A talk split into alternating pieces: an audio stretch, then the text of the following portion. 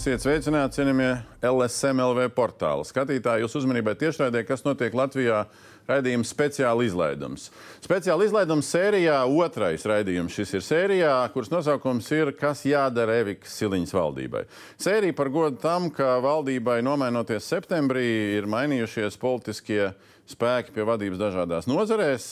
Šajā sērijā viena pēc otras mēs apskatīsim visas nozares, kur ir notikušas politisko spēku vadības maiņas, spriežot par to, kāda ir gaidāmā pēctecība vai politikas maiņas. Attiecīgi aicinot gan bijušo ministru, gan jauno ministru gan nevalstiskā sektora lietpratējus, dažādu jomu akadēmiskus, praktiskus, profesionālus ļaudis, lai sabiedrība varētu pavērtēt, cik tad skati uz to, kas notiek vai kam jānotiek nozarē, līdzīgi vai atšķirīgi. Šodien dienas kārtībā mums ir tēma, kas saistīta ar Latvijā visjaunāko ministriju - klimatu un enerģētikas. Vēl aizvien tāds ir nosaukums - klimatu un enerģētikas ministrija, kura jaunās valdības deklarācija pieteica, ka pārzinās arī nākotnē arī vides sfēru sfēru. Jaunais klimata un enerģētikas ministrs Kaspars Melnis. Labdien! Gaicinājām, protams, bijušo eh, ministru Raimonu Čuderu. Raimons Čuders studijā nav. Aicinājām jau labu brīdi tā arī nekāda skaidra iemesla, kāpēc Čudara kungs negrib atbildēt, eh, nedabūjām, bet jaunā vienotība deleģēja pārstāvi. Cilvēku, kuru vispār vispirms piesauca kā iespējamo šī amata ieņēmēju, pēc tam viņš šo amatu neieņēma. Eh, bija un, un ar vienu ir saimnes deputāts, bija un ar vienu ir ministru, nu jau prezidents, parlamentārais sekretārs Jānis Patmalnieks. Un iepratīm žūrī, kā es šeit raidījumos mēdzu saukt, uh, Um, organizācija tīkls ir zaļais barometrs, ir deleģējis uh, pārstāvi, kurš arī apsprieda savulaik pirms gan gada jau šai studijā jaunas ministrijas veidošanu. Zaļā brīvība vadītājs Jānis Brīsga. Labdien. Viens no lielajiem Latvijas privātajiem energo. Uh, kom, energo kompāniju grupa, tā laikam tas saucās. EG Power valdes priekšādātais Roberts Samtiņš. Labdien um, ilglaicīgi politiķis, nu jau pēdējo gadu uh, nevalstiskajā sektorā elektroenerģētiķu un energobūvnieku asociācijas izpildirektors Ivar Zariņš. Labdien! Un uh, paskatīsimies no akadēmiskās puses, kāds ir skats uh, cilvēks, kas ir klimata neutralitātes pētnieks, ekonomists, labu laiku Latvijas universitātē. Tagad uh, biedrībā, kas sauc Latvijas klimata neutralitātes klāsters 2050, Jūs Dimants. Labdien! Dien.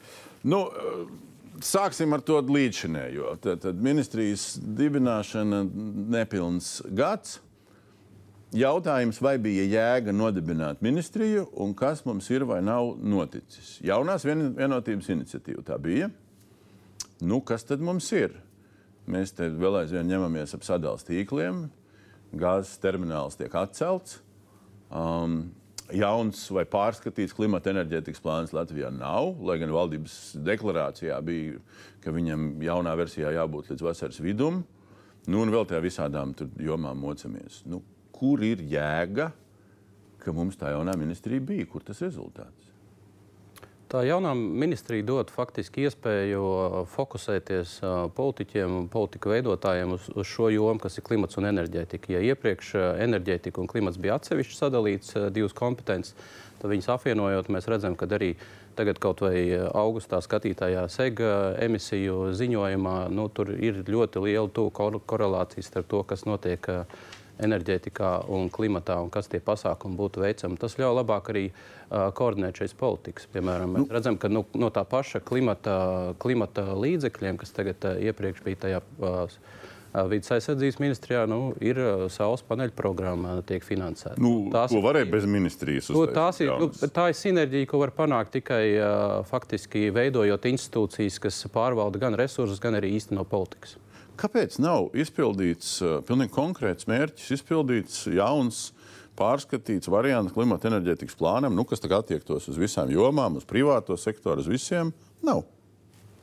Ko, klimata plāns tiek izstrādāts. Es saprotu, ka viņu šī mēneša laikā arī viņš uh, tiks prezentēts uh, un pabeigts darbs pie viņa. Nu, jāsaka, ka tas, tas ir radījis sarežģījums ne tikai Latvijai, bet arī vēl, ja saprotu, 13 Eiropas Savienības valstīm šo plānu izstrādāt. Nu, kaut, vai, kaut vai pēdējās izmaiņas Eiropas Savienības normatīvajos aktos ir tikai šajos, šajā gadā stājušās spēkā. Līdz ar to tas prasa kaut kādu laiku un kaut kādu pārkārtošanos. Meļņikungs, jūs pārņemat kā nu, pasākumu, kurš ir nu, ar labām iestrādnēm, vai pasākumu, kurš vēl aizvien tā īsti nav ieskrējies? Es gribētu teikt, ka mēs pārņēmu uh, pasākumu, kur ir ļoti labi izveidota komanda. Kur jāsaka liels paldies par viņu darbu, neiegot, ko jau var pirmās nedēļas var saprast, ka tiešām ministri ļoti aktīvi strādā un darba. Uh, darba šajās nedēļās ir ļoti daudz. Mēs ļoti labi zinām lielos izaicinājumus, pie kā mēs strādājam. Un es teiktu, jā, ir ļoti laba komanda, un mūsu arī ir mērķis, lai mēs papildinātu un iet uz priekšu. Jo nevēl rīcības, ko mēs arī kopīgi norunājam deklarāciju, tas ir vidas bloks, kas ir ļoti nepieciešams klimata enerģētikas ministrijai. Pie deklarācijas mēs pēc brīža noteikti pieķersimies. Divu punktu iepratīm tur vairākām lapām, kas bija iepriekšējā deklarācijā. Un līdz ar to tas jautājums ir, nu, vai jūs varat šobrīd definēt? Paņēmu kaut kādas sagatavas, ko mēs varbūt neredzam vēl līdz šim, un nesu viņas tālāk, un viss super, ka sagatavojāt, labi darbinieki sagatavoja, vai arī jūs šobrīd sabiedrībai sakat, hei, šitien es tā kā gribu pagriezienu? Ir jāsaprot to, ka ir iesākti darbi, kas ir uh, pa pusē jau izdarīti un iet jau uz beigu noslēguma fāzi, kad ir jāpabeidz. Ar tiem jau noteikti gribu iepazīties. Pats arī pats šo laiku iepazīstos. Kur mēnesis pagājis iepazīties? Nu, nav... nu, ir ļoti daudz to darbu, un es piekrītu arī, kā pareizi arī saka, klimata enerģētikas plāns. Viņš ir viņš līdz, jāizstrādā līdz mēneša beigām, jāpabeidz. Vakar bija publiskā apspriešana arī likumam klimata. Un... Ko mēs apspriežam trīs gadus jau? Varams jau sāka, kad to klimatu? Uh, jā, piekrītu, bet mēs viņu pabeigsim, un tur, tur bija ļoti liels diskusijas par to. Tur bija vairāk nekā 150 priekšlikumu, kas tika izvērtēti budžetu, un uh, tūlīt mēs viņus apkoposim, iestapā un iesim uz kabinetu. Bet tad kopējais uzstādījums vairāk stumj uz priekšu tālāk, nevis tā uz pagriezienu. Es gribu teikt, ka pirms taisīt pagriezienu jābūt konkrēti izanalizētai esošajai situācijai un padarītiem darbam ļoti precīzi. Jo tas, uz kuru pusi mēs pagriežam, ir ļoti lielu, ļoti lielu impulsu pārējai tautsēmniecībai un pārējiem sektoram. Nu, Pāanalizējam. Tagad tautsēmniecība, vide, vispārējo. Nu, mēs te pamīšam gan vide, gan enerģētika mums te ir. Jauna ministra izveidoja, gan izgads pagājis. Nu, kāds rezultāts, kāda jēga? Un, uh, un kāds kurs? Nu, nu, Brīskungs, pie, lai, lai sāk Brīskungs piedošanu, jo viņš bija šeit studijā pagājušajā gadā, uh, kad mēs apspriedām, vai vajag vai nevajag un ko vajag. Jā, nu pagājušajā gadā mēs uh, bijām ļoti atbalstoši tādas ministrijas izveidošanai, jo tika uzstādījums, tas galvenais uzstādījums bija, ka šī ministrija palīdzēs virzīt zaļā kursu uz priekšu, tālāk kā aktīvs tāds galvenais centrs, kas, kas ar to nodarbojas. Nu, šī gada laikā, ja, kad tā ministrija darbojasies, eh, mēs esam vairākas reizes tikušies ar ministru arī pārunājuši kaut kādus tos jautājumus, kas, eh, kas ir aktuāli. Bet, uh, es, es pieļauju, jā, ka ierēģi aktīvi strādā un viss aktīvi notiek, bet, kā jau tika teikts, ne, tie produkti nav. Arī pats process, kādā veidā šie, kaut vai tas Nacionālais enerģijas un klimata plāns tiek izstrādāts, tas nav ļoti iekļaujošs, līdzdalīgs. Ja? Vismaz vidas nevalstiskās organizācijas nav bijušas iesaistītas. Nu, jau vakar apspriešanā bija. Tas bija likums. Tā, domāju, par tajā plānā, plānā okay. runājot. Jā. Tā kā Man liekas, ka pašai, protams, pašai ministrijai arī trūkst kapacitātes, cilvēku skaits, administratīvais bloks nav un daudz ko grūti ir izdarīt. Veidojot jaunu institūciju, tur, tur šiem lielākā daļa enerģijas aiziet pašas struktūras veidošanā, nevis satura veidošanā bet neiekļaujoši. Samtiņkungs no privātā biznesa kā jūtas? Nu, jā, man liekas, raksturojums no politiķa puses situācija bija ļoti politikorekts. Tāds Absolūti. nevienu sliktu vārdu nesakot, kas droši vien saprotam, bet arī es piekritīšu, ka no privātā sektora skatoties, ka gads ir pagājis, jā, laikam jau kopš ministrija ir izveidota. Manuprāt, jā, šie rezultāti nav, tam es pilnībā piekrītu. Vai ir kaut kāds iestrādājums, un tās mēs uzzināsim, cik es dzirdu, kad ir jau kaut kas tiek gatavots, kas drīz tiks kā, publicēts. Bet nu, man kopumā pietrūka droši vien tas, ka ja pirms gada mēs bijām enerģētikas krīzē un tik jauna ministrija pamatot arī ar to, ka ir vajadzīgs iedot akcelerāciju tam, kur mēs iesim un ko mēs darīsim enerģētikas kontekstā. Tad nu, droši vien, no šīs ministrijas tiek gaidīta aktīvāka rīcība.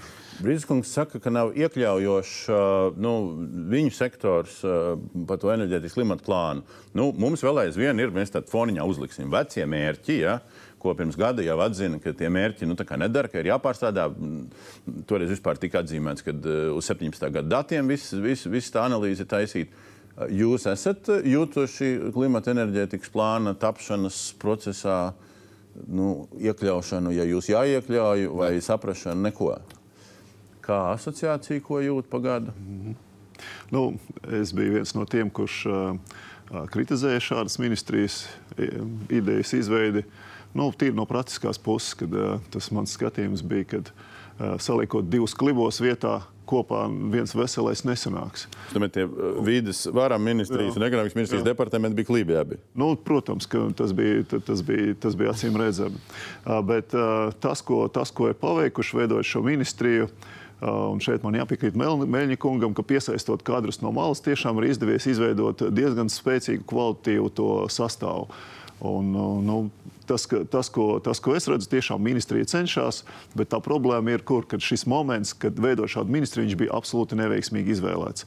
Brīdī, kad notiek visas šīs transformācijas, kad jāpieņem virkne veselu lēmumu, pašlaik ar ko nodarbojas ministrija, viņi nodarbojas ar to, ka viņi vienkārši vēl veido savu kapacitāti. Visas šīs organizatoriskās, principā lielāko daļu, ar Šam, ko viņi nodarboties. Vēl aizvien desmit mēneši kopš valdība sāk strādāt. Nu, es, ar kapacitāti es saprotu ne tikai cilvēkus, bet arī visus tos organizatoriskos procesus, lai to visu saka sakārtot, lai to visu palaistu. Tas pēc būtības ir jāuzceļ jauns nams. Un desmit mēnešos var uzcelt? Nu, Nevar. To var prasīt iepriekšējiem ministram. Ja, ja ir iebildes, jebkurā sektorā? Nē, ir uzcelts un pamati ļoti labi izveidot. Es piekrītu, ka arī atnākot jaunu ministru, man sākot, man ir jāiet tajā visā ritmā kopā, jāstrādā sinerģijā kopā ar esošo komandu. Un tas ir būtiski, bet pamats ir izveidots, viņš ir ļoti labs un tā komanda tiešām ļoti labi strādā. Kā jūs mērat, ka viņš ir labs? Es varu pēc dinamikas, kā notiek darbs iekšējā ministrijā. Nu, kā jūs mērat dinamiku? Kaut arī tad, kad vajadzēja, cik ātri mēs spējām ministrijai pieņemt lēmumus, kad vajadzēja izvērtēt situāciju par atbalstu sadales tarifu fiksēt. Sadalījuma tīkliem, sadalījuma tīkla tarifiem tur, jā, pieķersimies. Tur jāatzīst, ministrs ir ļoti ātri spēja pilnveidot un veidot un dinamizēt. Pieķersimies, iedodam vēl ceturto diagnozi un tad pieķeramies konkrētiem tematiem. Nu, pie, piekrītu, ko kungi jau minēja, neatkārtošos, taču tas, ko gribētos piebilst, ir, ka šī e, klimats, vide, enerģētika ir ļoti sarežģīts temats.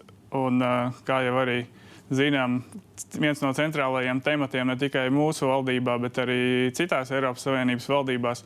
Līdz ar to ministram ir e, diezgan sarežģīts uzdevums, ņemot vērā tās iestrādes un tās kļūdas, kas ir arī pie, ir priekšteči pieļāvuši. Un, uh, no ministrijas vairāk gribētu sagaidīt sadarbību ar, uh, sadarbību ar nozari, uzklausīt nozares viedokli. Sagatavo... Kur ar jums nesadarbojās? Nu, vai teiksim, kaut kādu jūsu loku? Negribētos teikt, ka nesadarbojās, bet tā kā, tā, tā kā iepriekš jau tika. Teiksim, tas, ko var novērtēt, ka, ka ir varbūt skaidrāki cilvēki, pie kuriem iet, ar kuriem runāt ministrijā, nekā tas bija pirms tam. Savukārt, no otras puses, šī iekļaušana, kā tika minēts, varbūt varētu būt skaidrāka piemēram, kopīgi palīdzot noteikt. Uh, nu, teiksim tā, iesaistot nozari, nozare jau palīdzēs saprast, ko, ko, ko kura, kura joma var pienest. Iedodiet tikai tos mērķus, un uh, kas ir tā alternatīva. Alternatīva ir nu, ne, ne ETS sektorā, mums būs jāpērk kvotas. Tas nozīmē, ka mēs, mēs pirksim par savu, par jūsu, par mūsu visu nodokļu maksātāju naudu būtībā pirkstam karstu gaisu, kas ir pilnīgs absurds. Ja lietuvieši ir aprēķinājuši, ka viņiem šīs kvotas varētu izmaksāt 50. gadā 600 ar kaut ko miljoniem, Igauni aprēķinājuši 220 ar kaut ko miljoniem, tad droši vien mums ir kaut kur pa vidu un pēc līdzīgas metodoloģijas noteikti varētu ap, aprēķināt pie mums. Pārmalniekungs, jūs varat atšaudīties drusku čudaru vietā. Kāpēc sūdzības ir par neiekļaujošu attieksmi? Es, eh, es, eh, nu, eh, es, es, es mēģinu neizdarīt secinājumu, ka to nevajadzēja darīt. Jo, jo nu, nevar būt tā, ka tagad desmit mēnešus nosprāstīt, izveidot tieši šim sektoram speciālu politisku amatpersonu, ministra, viņa biroja, parlamentārā sekretārā personā, un viss ir slikti. Nu, ne, nekas izrādās nenotiek. Nu, tā pieņem, ka nebija slikti. Es pieņemu, bet... ka, es pieņemu, ka, protams, kad ir, ir kavēšanās un ir aizkavēšanās un ir. Nu, ir šis pārējais periods, kur ministrijai jā, ir jā, jātiek galā ar to administratīvo kapacitāti. Uh, bet uh, nu, mums ir šeit izveidota Latvijā politiskā amatpersona, kas ir uh, speciāli atbildīga par klimatu un enerģētikas jautājumiem. Iepriekš tāda nebija. Tas, manuprāt, ir nu, tomēr uh, solis uz priekšu tajā diskusijā vispār, kas mums notiek enerģētikas politikā un arī klimata politikā. Nu, labi, paiemies, paiemies uz priekšu no tās nu, pēcacības, vai kā lai to nosauc. Um, Uh, Melnikungs uh, pieteica, ka sadalījums tie uh, tarifi būs viens no pirmajiem darbiem. Nu, tad sekoja ministrijas un valdības lēmumi. 30 miljoni šī gada atlikušajos šajos četros mēnešos visiem, visiem maisaimniecībām, visām respektīvi tur piedotēt visus vienādi, ko daudzi sauc par helikopteru naudu un, un, un tam līdzīgi, un nemērķēto atbalstu. Uh, nu, Čudars, Čudara paraksts un Kariņa paraksts bija uh, pēc tam, kad bija pirmais uzsaukums par briesmīgajiem sadalījuma tīkliem, viņa pieauguma gan pirms gada, pagājušā gada beigās. Čudara un Kariņa paraksti bija 1. februārī uh, zem ministra kabineta rīkojumu, ka vajag pārskatīt pakalpojumu tarifu projektus un izvēlēties tautsēmniecībai saimnieciski izdevīgāko risinājumu. Tas bija toreiz tajā lēmumā. Kur mēs tagad esam nonākuši? Samtiņkungs, jūs toreiz bijāt tajos raidījumos, tā skaitā ar Čudarkungu. Nu, kur mēs tagad, ko tad izdarīja vai neizdarīja Čudars, un ko tad tālāk mēs darām vai nedarām? Es domāju, tajā brīdī bija nu, tāds, sauksim, par politisku spiedienu uz sistēmas operatoriem samazināt šos tarifus. Sistēmas operatori tajā brīdī pārskatīja savus tarifu projektus, gan sadalījuma tīklus, gan augstsprieguma tīklus, nu, kaut kādā sadarbībā ar regulātoru tarifi tika samazināti, pēkšņi tika atrastas rezerves. Visticamāk, šīs rezerves tika atrastas uz uh, divu, es domāju, virzienu veidā. Viens ir tas, ka jā, samazinājās obligā, uh, objektīvi elektroenerģijas cenas, kas ļauj samazināt zudumu cenas tarifos, līdz ar to varēja būt zemāks. Nu, droši vien otrs ir kaut kāds samazinājums uz nākotnes iespējamām investīcijām, attiecīgi peļņas rēķini, kas varētu būt sistēmas operatoriem. Uh, esošais lēmums nu, subsidēt uz trījiem mēnešiem. Nu, tā ir vienkārši droši vien atkal politisks lēmums, problēmas kaut kur bišķiņa atlikšana. Jo ir skaidrs, ka sadalījuma tīkla tarifi, es domāju, ka tur ir vajadzīga tāda visaptvarošāka reforma, kādā veidā šie tarifi vispār tiek veidoti. Melnis atlika problēmu kopā ar Siliņu sadarbībā. Manuprāt, jā, nu tā. Nu... Un tagad, kas ir interesanti, ir, ka mēdī īsti nav piefiksējuši un publika nav piefiksējusi ka uh, ātrā tempā um, trešdien, uh, tad, spiedošana, ceturtdien, ceturtdien saimnes sēdē, um, tad, tad vakar, nu, un pret šo tiešraidi runājot, parādās vairāk likuma projektu, tā skaitā grozījumi elektroenerģijas tirgus likumā, uh, kur Patmalnieks kungs ir viens no iesniedzējiem, un jūsu frakcija un progresīva. Nu, tad, tad visa koalīcija iesniedz. Un iesniedz projektu. Jūs zināt, šo Santiņkungs? Virspusē, jā, neesmu paspējis. Nu, te, te virspusē ir, mēs nonākam līdz trešajai lapai. Ka tagad saimā mums aiziet projekts, kur ir uzrakstīts, cik līdz 25. gada 31. decembrim, tātad divus gadus, cik uh, maksās maisaimniecības ar attiecīgajiem ampēriem un, um, un attiecīgo uh, strāvas lielumu, cik maksās tarifu. Saimā likums, cik nevis sabiedrisko pakalpojumu regulators noteiks, bet saimā. Jūs valdībā lēmāt, ka ministrija jaunā līdz 1. novembrim strādās ar nākamo gadu. Ko tad jūs, jūs šito vairs nerisināt, tagad saima risina? Nē, tas ir kopā. Mēs strādājam kā komanda. Tas ir jūsu projekts. Tas ir mūsu visu kopējais projekts, kas radās kopīgi strādājot kopā. Nu, pastāstiet, kā viņš tā tagad ir radies, jo es biju gaidījis, ka būs publisks iznāciens, ka mēs esam atrisinājuši projektu. Un te klusu pēdējā brīdī ir, ir likuma projekts, ko vispār tiešām neviens nepamana. Es nedomāju, ka tas ir klusu pēdējā brīdī. Tas ir deputāta iniciatīva iesniegt uh, likuma projekts, kas tiešām izstrādāts sadarbībā ar atbildīgo ministriju. Uh, kurā tad ir noteikts uh, gan tas, kādā veidā veidot pārejas posmu esošajiem tarifiem, arī kā nākotnē uh, noteikt tarifu šo te, nu, iespējamās izmaiņas, lai mēs neatkārtotos tajā pašā situācijā, kad atsevišķām lietotāju grupām vairāk kārtīgi pieauga šie tarifi. Bet tas, ko es šeit izlasu šajā projektā, ka jūs nofiksējat, nu, būtībā iesaldējat uz diviem gadiem tarifu, jūs pasakāt anotācijā, ka tie 50 miljoni, kas ir rezervē 2024. gada budžeta projektā, ka tie būs tie, ar ko seks, nu, sadalījums tīklam tehniski, seks šo starpību, ko viņi nesaņem, un pat 25. gadu es tur vairs neatrodu neko. Ne, tātad šis attiecās uz uh, faktiski trīs gadu pārejas periods, uh, nu, uh, tātad 24, 24, 25, 26, uh, kurā, kura laikā tātad ir noteikts jūsu ekrāna attēlotās pieauguma vērtības, kādas ir pieļaujams attiecīgās pieslēguma grupās. Un tas, tas kompensēt sadalījuma tīklam izdevumu. Šajā likumprojektā ir iekļauts. Ja, tas pants, ir paredz... kopējā vienošanās, ka tā jādara, ka tas ir labākais risinājums. Jā. Zariņkungs, jūs sen, sen, bet bijāt tomēr regulātori padomē. Ko jūs sakat par šo? Nu, ko es varu teikt? Mēs dzīvojam demokrātiskā parlamentārijā, un parlaments var darīt, ko viņš grib. Um, skaidrs, ka nu, ar, likumu, ar likumu regulēt tarifus tas ir, nu, tas ir ļoti dīvains pieejams. Bet, uh, nu, var arī, var arī tā darīt. Jā, bet, es, es vēlos iebilst, mēs neregulējam tarifus ar likumu. Mēs uh, regulējam to, cik daudz var pieaugt mājsaimniecībām tarifu un arī citiem lietotājiem. Tas tomēr ir būtiski arī šajā diskusijā par inflāciju. Uh, viens no lielākajiem iebildumiem bija tas, ka vispār var iesniegt šādus pieaugumus tarifiem ar nu, jau šiem likumprojektiem. Nu, jā, bet mums jā. arī, nu, mēs arī uz priekšu mācāmies no tām kļūdām un ejam arī uz priekšu un skatāmies.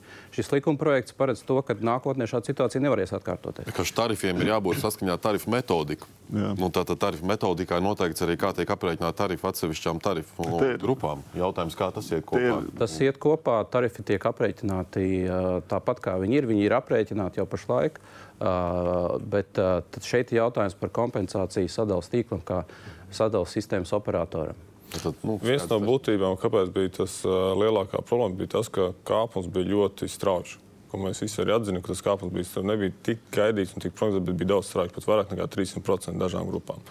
Un ar šo likumu mēs plānojam tas arī ierobežot to kāpumu, lai cilvēkiem būtu jau saprotams, tagad, kāds viņš būs 25. un 26. gadā, lai mēs visi varam plānot arī savu nākotni. Vai Čuders bija izpildījis, jūs bijat opozīcijā, Čuders bija izpildījis šo ministra kabineta rīkojumu no 1. februāra par tautsēmniecībai visizdevīgāko risinājumu? Tas bija viņam uzdevums šai ministrijai. Ja nevaldos, Šudrakungs pēc tam nāca ar vēl ziņojumiem kabinetā, kas bija aprīlī, martā. Jā. Precīzi nenosaukšu datums, kuros arī bija paredzēts tātad šo iesniegto tarifu projektu apjomu samazināšanu. Pabeidzot par to stāstu, šeit, manuprāt, svarīgi būtu, lai kā tādā teicienā kāpostas atsevišķi, mušas, mušas atsevišķi ļoti svarīgi nesaukt kopā divas dažādas lietas - ekonomisko pamatotību un sociālo taisnīgumu. Tas, ka valdība ir uzņēmusies kompensēt šo pieaugumu, tas ir, tas ir politiski, manuprāt, sevišķi esošajā situācijā, tas ir politiski, manuprāt, pareizs solis. Un, ja to var atļauties darīt, tad tiešām tas ir, tas ir jādara. Cita lieta, kā tas tiek īstenots. Jo pašlaik tā, kā tas pašlaik šī likuma projektā ir uztaisīts, uh, nu, normāli būtu process kāds. Uh, regulators nosaka tarifu, kas ir ekonomiski pamatots, kurš eh, objektīvi iekļauj tās nepieciešamās izmaksas, tikai tās, kas ir vajadzīgas, un tā veidojas tarifs. Tagad, kas sanāk, jo no šī tarifa tālāk sadalās tīkls, saņem sev tos nepieciešamos ienākumus savai darbībai. Tagad, kas sanāk, ar likumu tiek nogriezta kaut kāda daļa no šī ekonomiski pamatotā tarifa, ne, kas ne. ir vajadzīgs. Jā, bet tur ir nākamais punkts, Ienāk... ka negūtās jā, jā, jā. lietas tiek kompensētas. Jā, jā, un par ko es gribu pateikt? Kur tas risks pašlaik veidojas? Iedomājieties tagad uh, un pateikt, ka par to nepie par to daļu, kas ir nogriezta, kas būtu nepieciešama sadalījuma tīklam darbībai. To lems ministru kabinets. Un šis punkts ir uzrakstīts tā, ka ministru kabinets lems par to. Bet vai viņš pielems, kā viņš pielems, kad tas notiksies, rodās papildus riski, ka sadalījuma tīklam, kurš aizies tagad uz banku un teiks, ziniet, veči, mums viss ir kārtībā, dodiet mums finansējumu, mēs ar tarifu visu nosiksiet.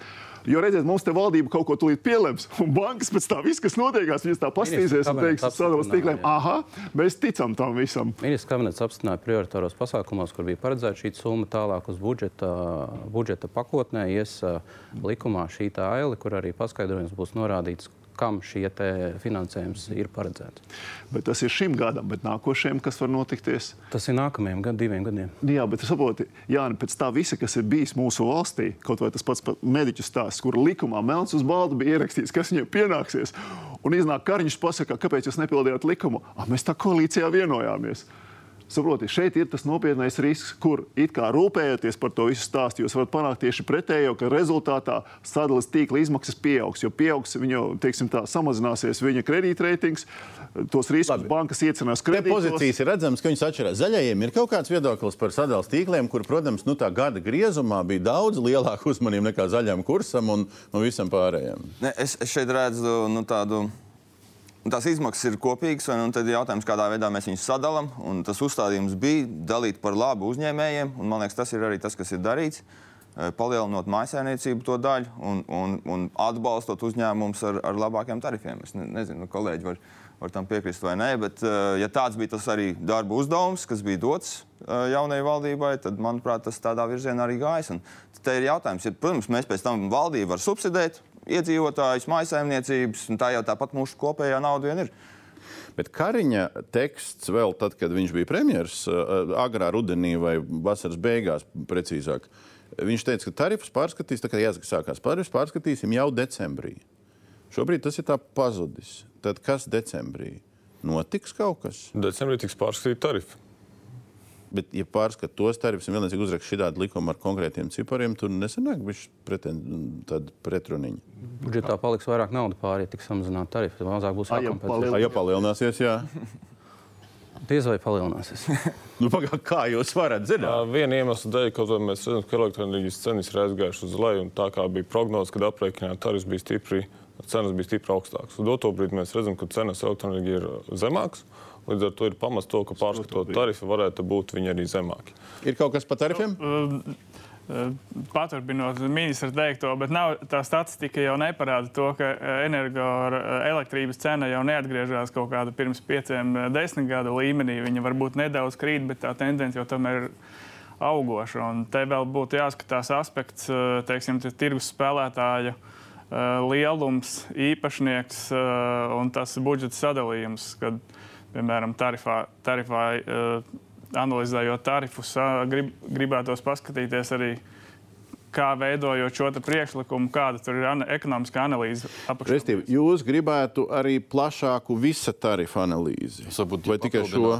Tad, eh, manuprāt, tarifi ir eh, enerģētikas kopējās politikas sastāvdaļa. Kā Jā. mēs veidojam tarifus, tā veidojas, tas izriet no mūsu enerģētikas politikas. Mm. Un patiesībā šobrīd tarifi, manuprāt, būtu jāpārskata vispār viņu struktūra. Jo tas, ko tagad jau runā arī citur pasaulē, ņemot vērā to, ka, piemēram, ļoti mainās eh, elektrības ģenerācija, nāk iekšā atjaunojamā ģenerācija, pa dienu ir brīži, kad elektrības cenas ir lētākas, kad augstākas. Arī sadales tarifiem būtu jākļūst mainīgākiem un jāpielāgojas tām tendencēm tirgū, tādā veidā mudinot patērētājus arī pielāgot savu savu patēriņu. Un tā šai, ir struktūrāla maiņa. Šai, šai, šai 12. oktobra tai paketē tur, protams, ir ne tikai šis punkts, tur ir vairākas citas lietas. Vai jums šķiet, ka viņas ir pietiekamas, lai mainītu visu to metodiku un visus tos principus? Un, kas man liekas ļoti svarīgi, kas arī pa brīdim skan, vai tas padara tarifu caurspīdīgākus? Tas noteikti padara tarifu caurspīdīgākus. Nu, kurš no tām lietām? Šajā likuma pakotnē ir iekļauts tas, ka saskaņā tāda operatora izstrādā desmit gadu attīstības plāns. Viņiem uz šīm plānu pamata būtu jāprognozē tarifu izmaiņas. Tas ir pateikts šajos likuma grozījumos. Tas dos nākotnē to, ka mums paredzamāks būs tas, kādā veidā šie tarifi mainīsies. Jo jāatzīst tas, ka tas, ka mums sešus gadus faktiski tarifi nemainījās, tā, tā ir arī zināma problēma, kur, ar kuru mēs saskārāmies šajā vasarā. Nu, jūs redzat, ka tas kaut ko risina. Nu, Sadalījums tīkls izstrādā prognozi. Nu, jā, jautājums, ko, ko dara, ko, ko dara teiksim, valdība ar šo prognozi? Nu, ko, nu, tas, ir, tas, ir, tas ir viens valdībai, tātad ir un arī patērētājiem, uzņēmuma organizācijām ir iespēja sekot līdzi tam, kāds šis tarifs izmainīsies un kā viņš tiek veidojās. Tas ir tas, mēs iegūstam caurskatāmību par to, kā veidojās tarifi. Tas man ir. Ši, ši, no šitās vietas tagad Meļņikungs, jūs turat visu mūsu īpašumu sadalījuma tīklu. Ja? Jūs ne, īstenībā nē. okay. Labi. Augstsprieguma tīklus, kuri rada daļu sadalījuma tīkla izmaksas, nu, balstoties uz kuriem tās prognozes var noteikt. Nu, daļ, daļēji, jā. Daļēji. daļēji. Nu, tad, tikai ja daļa, jūs... daļa no sadalījuma tīkla jā. tikai veidojas no augstsprieguma tīkla noteiktajām izmaksām. Nu, liela. Nu, mazākā daļa. Mazākā. Nu, labi, protams, ka tur ir vietējā saimniecība.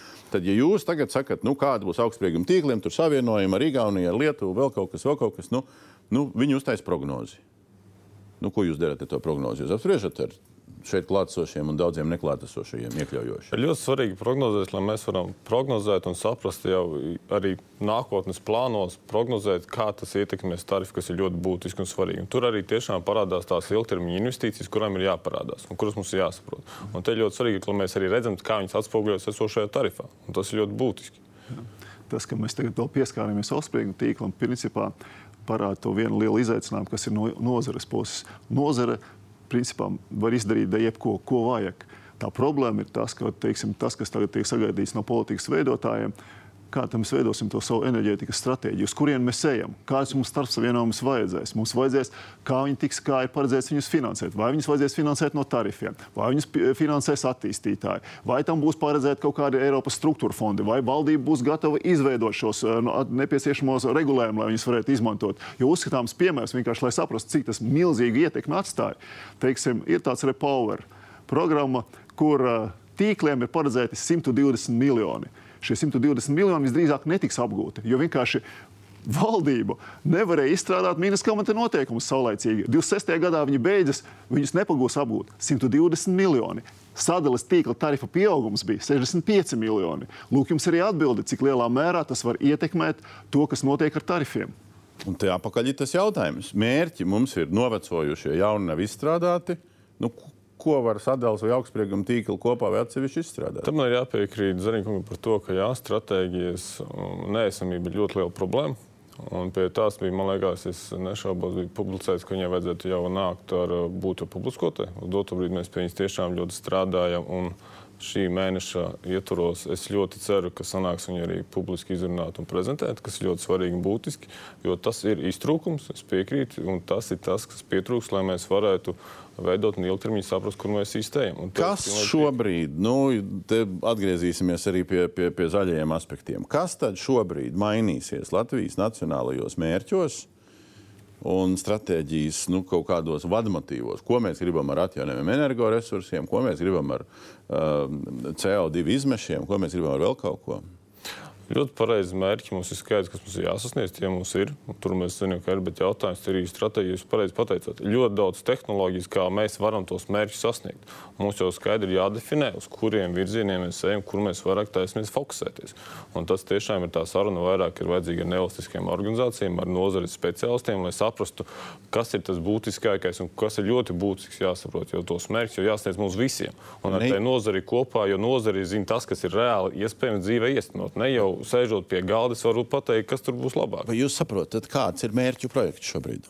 Nu, es saprotu, ka runa ir par uh, Eiropas Savienības varbūt, nospraustajiem mērķiem, arī mūsu pašu izvirzītiem uh, nulles emisijas, neto emisijas 50. gadā. Jo, tā ir tā galvenā trajektorija, kur mēs ejam, ir Eiropas mērķi attiecībā uz tuvāku laiku periodu.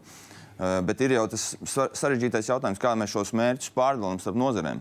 Jo ir viens liels mērķis uz visu valstu, bet uh, emisijas un enerģijas patērētāji rodas visdažādākajās nozarēs. Un, un tas jau ir politisks lēmums. Tur zinātnē un vispārējie iesaistītie būtu jāpiedalās jau no paša sākuma. Nevis tā, ka mēs izstrādājam šaurā lokā plānu, iedodam uz pāris nedēļām apspriešanai un, un tad ejam tālāk. Tas likuma projekts, kas vakar bija apspriešanā, klimata likuma projekts, saka, ka 7, mīnus 17% Uh, siltumnīca efekta gāzes emisiju samazināšanu līdz 30. gadam. Un tad tālāk ir uzskaitīts nozares - enerģētika, un transports, un lauksaimniecība un atkritumi.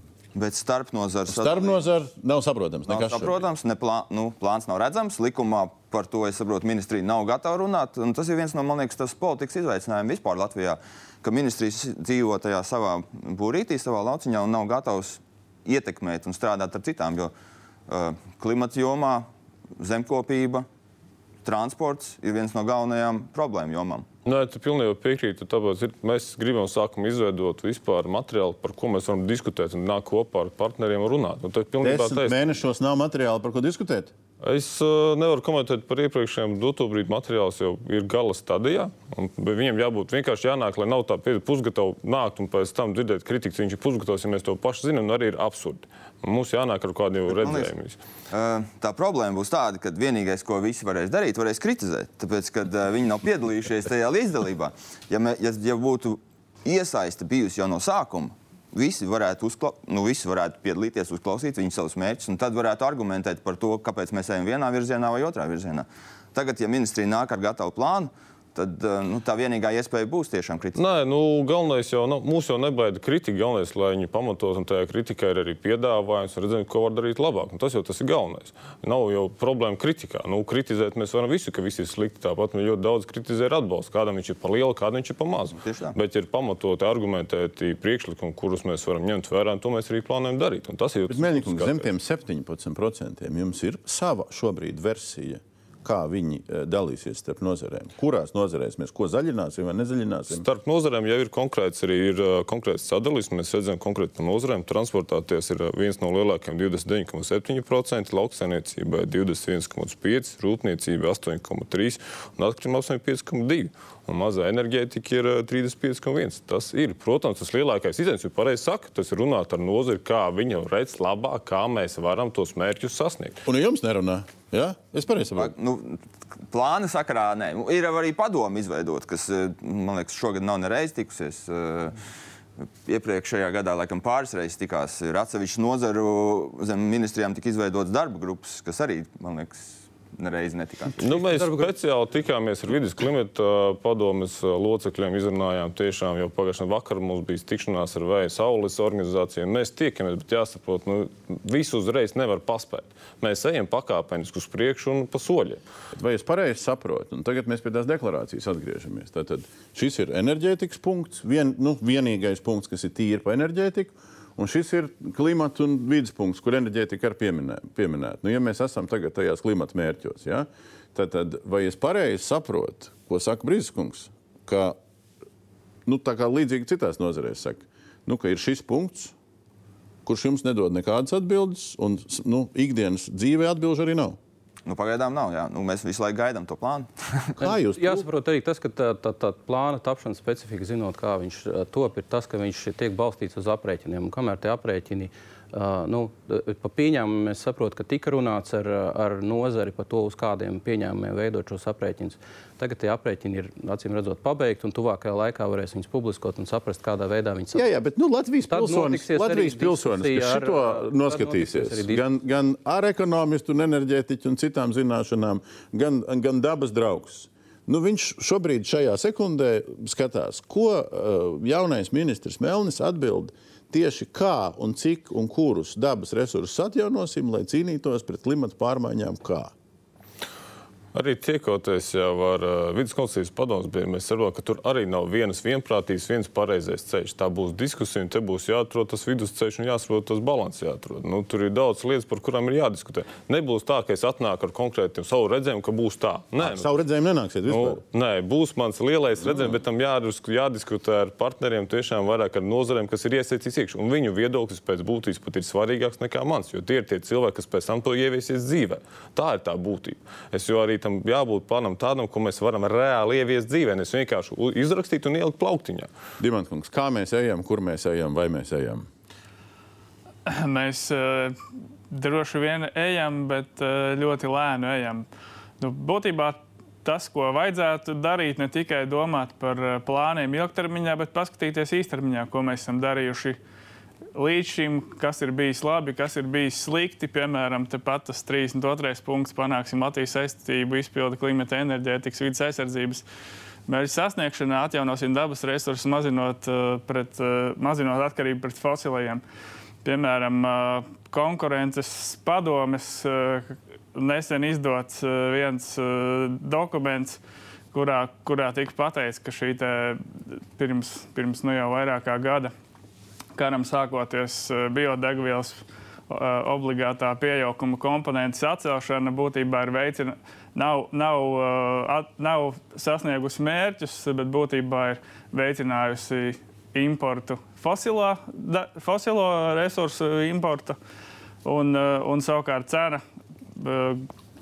Cena mazumtirdzniecībā degvielai nav samazinājusies, turpretī uh, papildinot no savas puses, uh, tepat laikā uh, mūsu kaimiņu valstīs, Igaunijā, Lietuvā, uh, šī te pati, šai te pašai obligātai komponentei saglabājoties, ir, ir uh, cenas bijušas zemākas. uh, Tagad Igaunijā vienādas varbūt bija drusku tas, tas lēmums, kad viņš tika pieņemts, viņš bija kara, nu, Karam īstenībā, sākoties, Karam jā. sākoties. Jo redz, interesanti, Viņš mēs beigsies 31. šī gada 31. decembrī. Uz doto brīdi nav plāna uh, viņu pagarināt. Jāatzīst, vienīgais ir tāds mīnus, ka tā ir pirmās paudzes uh, atjaunojama degviela, kas Eiropā jau strādā pie otrās paudzes. un Es ļoti ceru arī šeit runāt tiešām ar nozari par to, ka es ļoti ceru, ka mēs šeit varam attīstīt otrās paudzes uh, atjaunojumu degvielu, kas ir daudz efektīvāka. Es varu, varu, Jā. varu vēl pieminēt. Uh, nu, protams, jātīst ar otrā paudzi, jāiet uz, uh, uz šo te, neat, uh, klimata nulli un tam līdzīgi, bet kamēr mums ir tā, pir, kamēr, kamēr mēs tiksim līdz tai otrai paudzei un ņemot vērā gan, gan mūsu autoparka vidējo vecumu, iedzīvotāju pirktspēju un tam līdzīgi, mēs jau 50. gadā vismaz 40% no visa autoparka brauks to pašu dīzeli, uh, benzīnu vai, vai tam līdzīgi. No otras 40% 50. gadā jūs Tāda ir Eiropas, dīzeli. uh, Eiropas prognoze. jā. Dīzeļa un degviela. Nu, ja paskatāmies, šobrīd, ir, šobrīd mums ir elektroautorāta un saistītie ar visām, visiem iedarbinātajiem atbalstiem, kurus arī varētu uzlabot, jo droši vien nav īsti iemesla, vismaz no Eiropas puses, cik, skat, cik esmu skatījies, uh, kāpēc juridiskas personas neatbalstītu arī ar, ar šādu te. Uh, ar šādu iespēju atbalstu juridiskām personām. Bet, uh, Nu, labi, bet, bet ļaujam, pieķeramies, pieķeramies pie kaut kādiem reāliem datiem. Te studijā šajā daudziem patīk teikt, pieķeramies datiem. Ja? Um, Atjaunām energoresursu um, daļa kopējā energoresursu patēriņā. Mēs te gatavojoties um, palūdzām statistiku 22. gadā pret 21. Pēc statistikas pārvaldes viņi ir pieauguši no 41,3 uz 42,9 pa 1,6%. Dabasgāze skaidrs, ka nokritās. Nokritās nežēlīgi. Uh, nu, cik nežēlīgi? Nu, no 21% uz 15,6%. Nu, skaidrs, ka viņi lietoja. Bet interesanti, naftas produkti pieminētie. Ja? Naftas produkti pieauga. Un pieauga ne tā kā atjaunojumiem, bet krietni vairāk, no 3,3 uz 3,5. Kaut kādas šādas tendences par kaut ko mums stāsta. Daudzi no gāzes pārslēdzās arī uz dīzelu un mazutu. Lai... Jā, jā, nevis uz atjaunojumiem. Jā. Jā.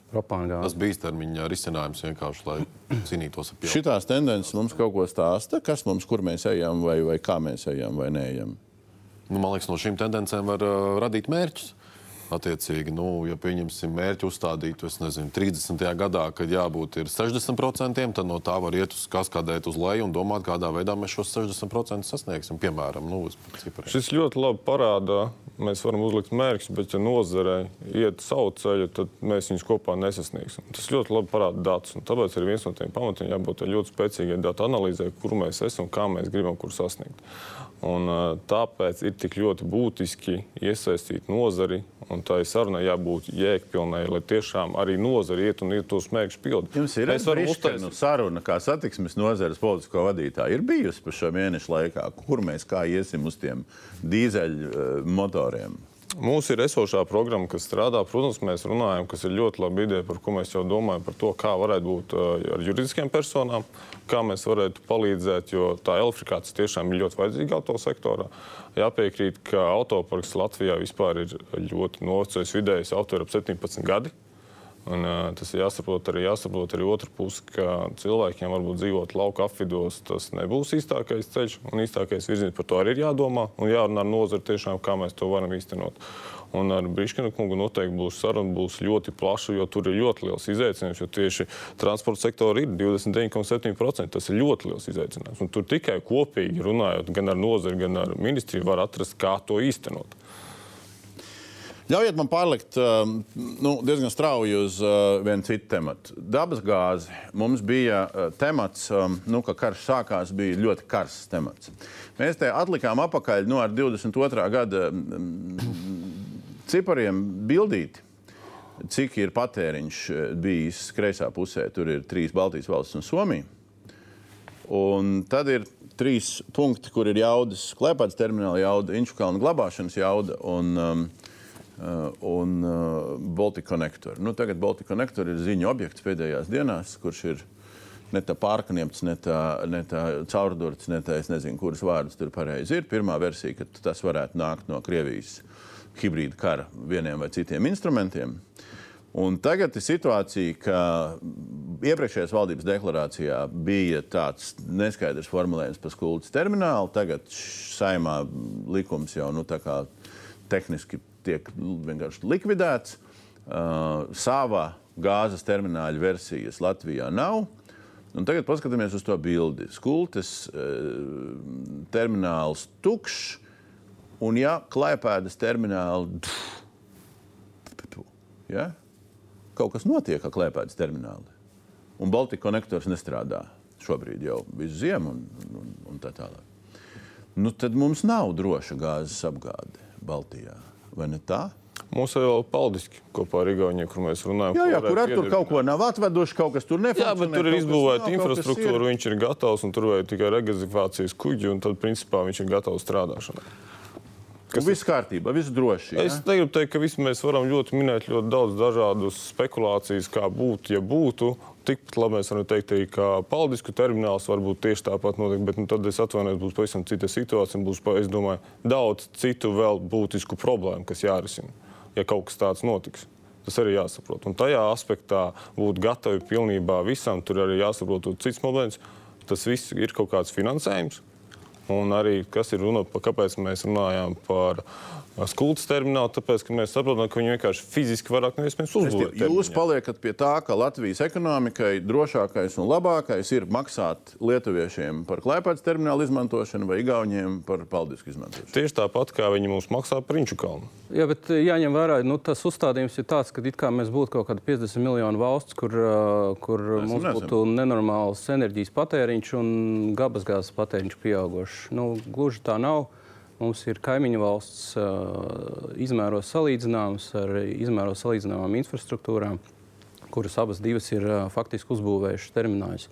Gan uh, Paldiskos ir termināls, viņš ir funkcionējošs, viņam vajag atvest regasifikācijas kuģi, kāds stāv piemēram Inkau pašlaik, vai Klaipēdā, un viņš kļūst par pilnībā funkcionējušu. Un mums arī Gipls savienojums, ko jūs nesat norādījuši, kur, kur arī uh, šajā nedēļā nāca gāze iekšā Baltijā. Protams, un somu gāze ir iesaldēta Inču kalnā. To mēs arī neesam norādījuši. Tur daudz lietas varētu zīmēt klāt. Bet jautājums ir, kur ir pazudis jaunās vienotības priekšvēlēšana solījums, kas bija karš jau bija sācies, un jaunā vienotība programmā raksta, uzbūvēsim savu sašķidrinātās gāzes terminālu. Viss jau notikās, klēpēji funkcionēja, paldiski tapa. Mums ir alternatīva lētāka, izdevīgāka Latvijas patērētājiem, ka mēs varam šo dabasgāzes starpsavienojumu nodrošināt piekļuvu pasaules tirgumu caur Igauniju. Viedokļi šai pusē? Jābūt arī Nu, par uh, dabasgāzi ir tā, es domāju, tiesa piekrīt tam, ka dabasgāzes patēriņš ticamākais ar laiku kritīsies, bet nu, ir jādomā vienkārši par to, kā vairāk saražot enerģiju pie mums uz vietas. Un tie ir atjaunojamie resursi. Dabasgāze vienmēr paliks kā viens no sastāvdaļām. Vismaz es domāju, tuvākos 20 gadus būs nepieciešama dabasgāze, lai ražotu elektrību un siltumu, tā kā nav atjaunojamo resursu. Bet tas apjoms mazināsies, un, attiecīgi, jo mēs vairāk saražosim kilovatstundas enerģijas uz vietas paši pie sevis, jo mēs būsim drošāki. Ja? Tas nodrošinās kuras nevar aizvietot mūsu tecus, kuriem ir tā saucamās tās balanss jaudas, jākurina ar gāzi. vai ne? Tas Jā, bet ja gāzes patēriņš ir salīdzinoši neliels, kas ir vajadzīgs, tad ir vieglāk arī viņu atvest un uzkrāt. Cits versijas. tas, kas eh, visu šī diskusija vēlreiz apliecina to, cik ir svarīgi, lai mums būtu sava enerģētikas stratēģija. Jo principā tas ir viens no galvenajiem stratēģijas uzdevumiem. Pirmkārt, jau noteikt, kas ir tas drošuma līmenis, kas mums pašiem ir jānodrošina. Un tad, izējot no tā, mēs skatāmies, kādi ir tie risinājumi. Un šeit ir tiešām jāstāsta samērojums. Ir tā klasiskā trilēma enerģētikā. Tas trīs tur nosacīt, ja vienkāršot iedomājamies, tad, tad, cik, tas daudz, cik tas būs dārgi, cik tas būs droši un cik tas būs zaļi. Mēs nevaram vienlaicīgi būt maksimāli droši, maksimāli lēti un maksimāli zaļi. Ir kaut kur jāatrod tas balansa punkts. Un tas būtu tas stratēģijas uzdevums, kur mēs pasakām attiecībā uz gāzes apgādi, kādu mēs redzam savu drošuma līmeni. Un, kad mēs to vienreiz esam nodefinējuši, mums nav jāiet apkārt pa apli. A, mēs tur kaut ko darīsim, nedarīsim, nebūs jānožēlo, ka mēs esam kaut ko iztērējuši naudu, kur nevajag, vai neesam izdarījuši to, ko vajadzēja. Es arī piekrītu dotajā gadījumā, ja mēs tā strateģiski skatāmies, saprotot, ka gāzes patēriņš kritīsies, redzot to, kas jau ir izdarīts, ka mums tik tiešām ir ne tikai, ne tikai, Igaun, ne tikai Somijā, bet arī Igaunijā šis termināls. Nu, praktiski viņš tur, nu, ja, ja, ja būs nepieciešamība, tur es domāju, viss, viss būs atris, netiks atrisināts. Tiks atrisināts. Ir Klaipēda, ir Gipls savienojums ar Poliju. Es neredzu nepieciešamību, ka valstī Cerams. vajadzētu likt iekšā naudu šajā visā pasākumā, jo tas dārgi maksās. Cerams. Um, un tagad atgriežoties pie atjaunojumiem resursiem, un tas otrs punkts deklarācijā.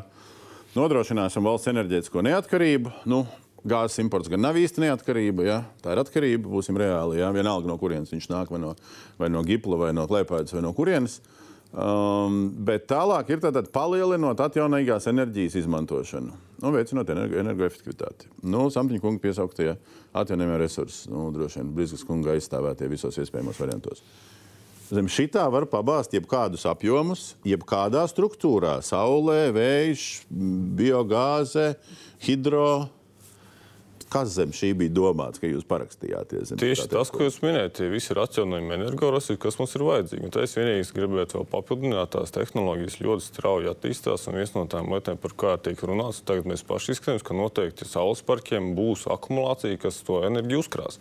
Un tas ir ļoti būtiski, ja mēs runājam par vispār neatkarību kā tādu. Te ir zem neatkarības arī domāts tas, ka mēs 2025. gadā plānojam saslēgt no Krievijas. Uh, Tas vecs, sen pielemts jautājums, Jā, kam bet- šo valdību maz saka. uh, jā, bet tas ir mērķis, kas mums jāizdara. Viena lieta ir pilns, otra lieta, ka tas ir Ja jādara. vien tehniski to var izdarīt, es saprotu, ja no būvnieka tur tādām šaubām. Kā es saprotu, vēl konkurss tikai vēl notiekās. Protams, bet mēs uz to ejam konkrēti strādājam, lai tas izdarītu. Jūs sakat, tas ir vecs mērķis, bet tas ir jāsasniedz un jāizdara, lai tas nepaliek vienkārši kā mērķis. Un runājot par atjaunotiem energoresursiem, tieši tāpēc tur nav ierakstīts viens precīzi konkrēts, tāpēc ka viņi ir vairāk un dažādi. Un mums jāizvērtē visi iespējami, un kas ir ļoti svarīgi, mums ir jāatrod labākais, efektīvākais, kas Līdz šim nav priekš mums. Viņi ir vērtēti, bet tā tehnoloģija arī visu laiku attīstās, visu laiku iet uz priekšu. Un tā ir- Tas ir atkal tas svarīgākais, ka ir jārunā ar nozari, kas tiešām redz un seko līdzi iespējams pat jaunākajām teiksim, tā, nu, tehnoloģijām. Jo tās tehnoloģijas visu laiku attīstās. Nu, nozares, ko ar jums runā, ko jūs esat uzzinājuši? Tie s- mm, scenāriji ir ļoti daudz dažādi. Mēs paši esam vairākus taisījuši, droši vien daudz klātesošie ir taisījuši, un viņi ļoti atšķirās atkarībā no tiem pieņēmumiem, ko mēs tur ieliekam iekšā. Un arī to, kā, cik daudz mēs paļaujamies uz tehnoloģijām, cik daudz mēs paļaujamies uz to, ka nākotnē mums atnāks ūdeņrads vai vēl kaut kādas tehnoloģijas, eh, kas, eh, nezinu, mēs pat 20, 30 gadus jau par viņām runājam, bet viņas necik tālu nav vēl aizgājušas. Ja. Uh, mēs diezgan maz runājam par to nepieciešamību, varbūt arī samazināt, pārskatīt tās enerģijas patēriņu, kopējās lietas dažādās, dažādās jomās. Ne tikai energoefektivitāte, bet arī daudzās lietās mēs varam atteikties, labāk plānojot, kaut vai labāk plānojot pilsētas. Mēs varam Kur pretī ir viedoklis, ka vajag vairāk tērēt elektrību, ko Sāptiņkungs nu, pārstāv. Jā, no būsim reāli. Jā, Tas ir saprotami. jā, jā. Bet, tad, bet tad, ko jūs, jūs sakat šobrīd? Ka vienas pareizās atbildes nav, jo pieņēmumi var būt dažādi, un tad rezultātā ko? Es domāju, ka Politiskais lēmums. Pietiekami elastīgai, un tas, protams, beigās ir politiskais lēmums, bet uh, nu, jau ministrs arī vairākas reizes teica. Uh, viedokļi atšķirās. Katrs arī droši vien no mums piedāvās savu scenāriju, teiks, ka tas ir labākais. Beigās tas būs politiskais lēmums, kas pateiks, nu, kuru scenāriju mēs izvēlamies un kāpēc. Jā, tā Atjaunojamiem ir. energoresursiem ir svarīgi tas, ka kādam ir jāuzbūvē tās stācijas, saules, vēja stācijas. Un uh, skaidrs, ka process kaut kāds šobrīd Latvijā notiek, bet uh, nu, es domāju, ka tas notiek stipri pa lēnu. Tas notiek stipri pa lēnu. Nu, jautājums, Vēlu arī. Kam pa lēnu, pa vēlu. Nu, vēlu mēs vairs nevaram labot, lēnu mēs varam labot. Attiecīgi ir jāsaprot, kādā veidā uh, no politikas puses var mainīt kaut kādus nezinu, normatīvos aktus un vispār, lai procesu varētu pātrināt. Jo ir divas, divi aspekti. Viens ir tas, ka, protams, šobrīd paliek grūtāk būvēt enerģētikas projektus, tāpēc, ka nauda paliek dārgāka, vienkārši paliek ar vien dārgāk un daudz grūtāk ir nofinansēt šos projektus. Un otrs ir, kas ir, protams, jautājums ir par to ātrumu, ja kādā veidā var iet, iziet ietekmi uz vidas novērtējums, vēja, parkiem un tam līdzīgi. Nu, bet tad viena konkrēta lieta, tad pieķeramies. Nu, tagad uh, daudziem, kas vai nu plānoja uzlikt sev privāti mājās uh, saules paneļus uz jumta, vai jau uzlika, nu, visus sacepināja šī vārda pārnestā nozīmē jaunākie lēmumi par tēmu, ka vispār tīklā varēs nodot tikai 20% no saražotā. Nu, jautājums, pēc cik ilga laika tas stāsies spēkā un kā tas notiks. Bet viena no versijām, Samtiņkungs, ir, ka tie privātie mēģinājumi tādi. Ja? Nu, ja viņi tur to tīklu beigas logot, tad jums, juridiskajiem lieliem uh, ražotājiem, nu, bija šī tur bremzīte. Ne? Es domāju, ka tās, tā ir sazvērestības teorija, kas īstenībā nav patiesa. Uh, Man nu, tā tad uh, joprojām ir milzīgs elektroenerģijas deficīts Latvijā. Pastāv arī vasarā, kaut kā, kad saule spīd, mēs elektrību turpinām importēt. Zemās cenas, kas bija nulle, nebija tāpēc, ka Latvijā bija ļoti daudz elektrības, bet tāpēc, ka bija ļoti daudz elektrības rietumē Eiropā. Attiecīgi, bet komentējot šīs izmaiņas par to neto norēķinu sistēmu un šiem 20%, manuprāt, viņas bija liekas. Jo es godīgi sakot, esmu arī interesējies, bet neesmu dabūjis atbildi, cik ir izmaksājusi neto uzskaits sistēma līdz šim. Es nezinu, vai šādi aprēķini ir bijuši, bet man informācijas, piemēram, Vairāki miljoni sadalstījusi. Katru gadu Vairāk vairāk miljonu. Eiro. varbūt to jautājumu kaut kādā daļā vienkārši tie, kas ir uzstādījuši. Es piekrītu, ka tā komunikācija nebija ļoti veiksmīga. Pirmā lieta, tie, kas ir uzstādījuši šobrīd līdz gada beigām, paliek neto uzskaita sistēmā līdz 2009. gadam. Tas ir skaisti, jo jābūt tiesiskai paļāvībai, un tas ir aprēķins, pēc ko cilvēkiem ir atmaksājās tie mm, saules paneļu uzstādījuši vispār, kas ir pamatā. Runājot par privāto sektoru, nu, mums ir ā, 6000 megawati rezervēti privātajam sektoram uz būvniecību, kur arī jāatzīst, nu, kaut kā neiet tā, kā gribētos uz priekšu. Jo, diemžēl, tur daudzas jaudas ir rezervētas, kur vienkārši ir spekulācijas izveikts. Un tur arī jāatzīst, ir kļūda. Un tieši tāpēc uz doto brīdi mēs vairāk nekādas jaudas nerezervējam, jo ir jāizstrādā sistēma konkrēti kopā tā, lai viņi pie viņas tiek tie, kas viņu arī vēlās reāli uzbūvēt. Nevis vienkārši es atvainojos spekulanti, nu, jo juridiski pašais tāds rops ir uztaisīts, un tur nu, ir sasietas rokas. Tāpēc mēs arī uz doto brīdi vairāk jaudas nedodam, jo sākumā jāizskaidro sistēma konkrēti, kā lai tā jauda nonāk tiešām pie uzņēmējiem, kas vēlās reāli uz, uzbūvēt un, Nu, reāli dzīvē. mēs tagad nonākam pie lielā jautājuma, kas visu laiku ir nu, jau vairāk kā gadu gaisā. Ja Latvijas valsts veido valsts kapitāla sabiedrības starp Latvi, nu, ar Latvijas energo un valsts meža dalību, kas saucās Latvijas vēja parki, tad jautājums ir, vai kā valsts grib vairāk nu, veicināt, lai tie privātie tur vairāk būvē, vai valsts grib teikt privātie otrkārt.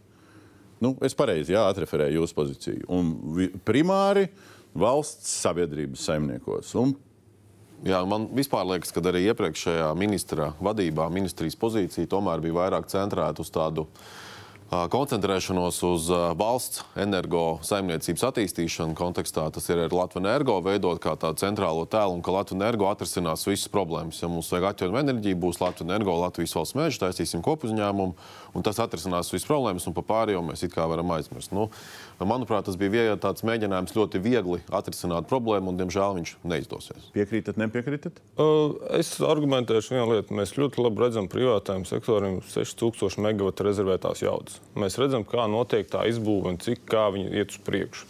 Mums ir arī jāsaprot, ir valstiskie mērķi, ko mēs gribam sasniegt. Un ir arī, es atvainojos, ir arī slikti piemēri. Diemžēl, kad tam privātajam sektoram nu, nav tik labi. Mēs varam paņemt kaut kādus pašus mazos, mazos hesus, kur daži mazie hesi pēc tam, kā biznesa beidzās, paliek tikai čaulus uzņēmums ar hesu.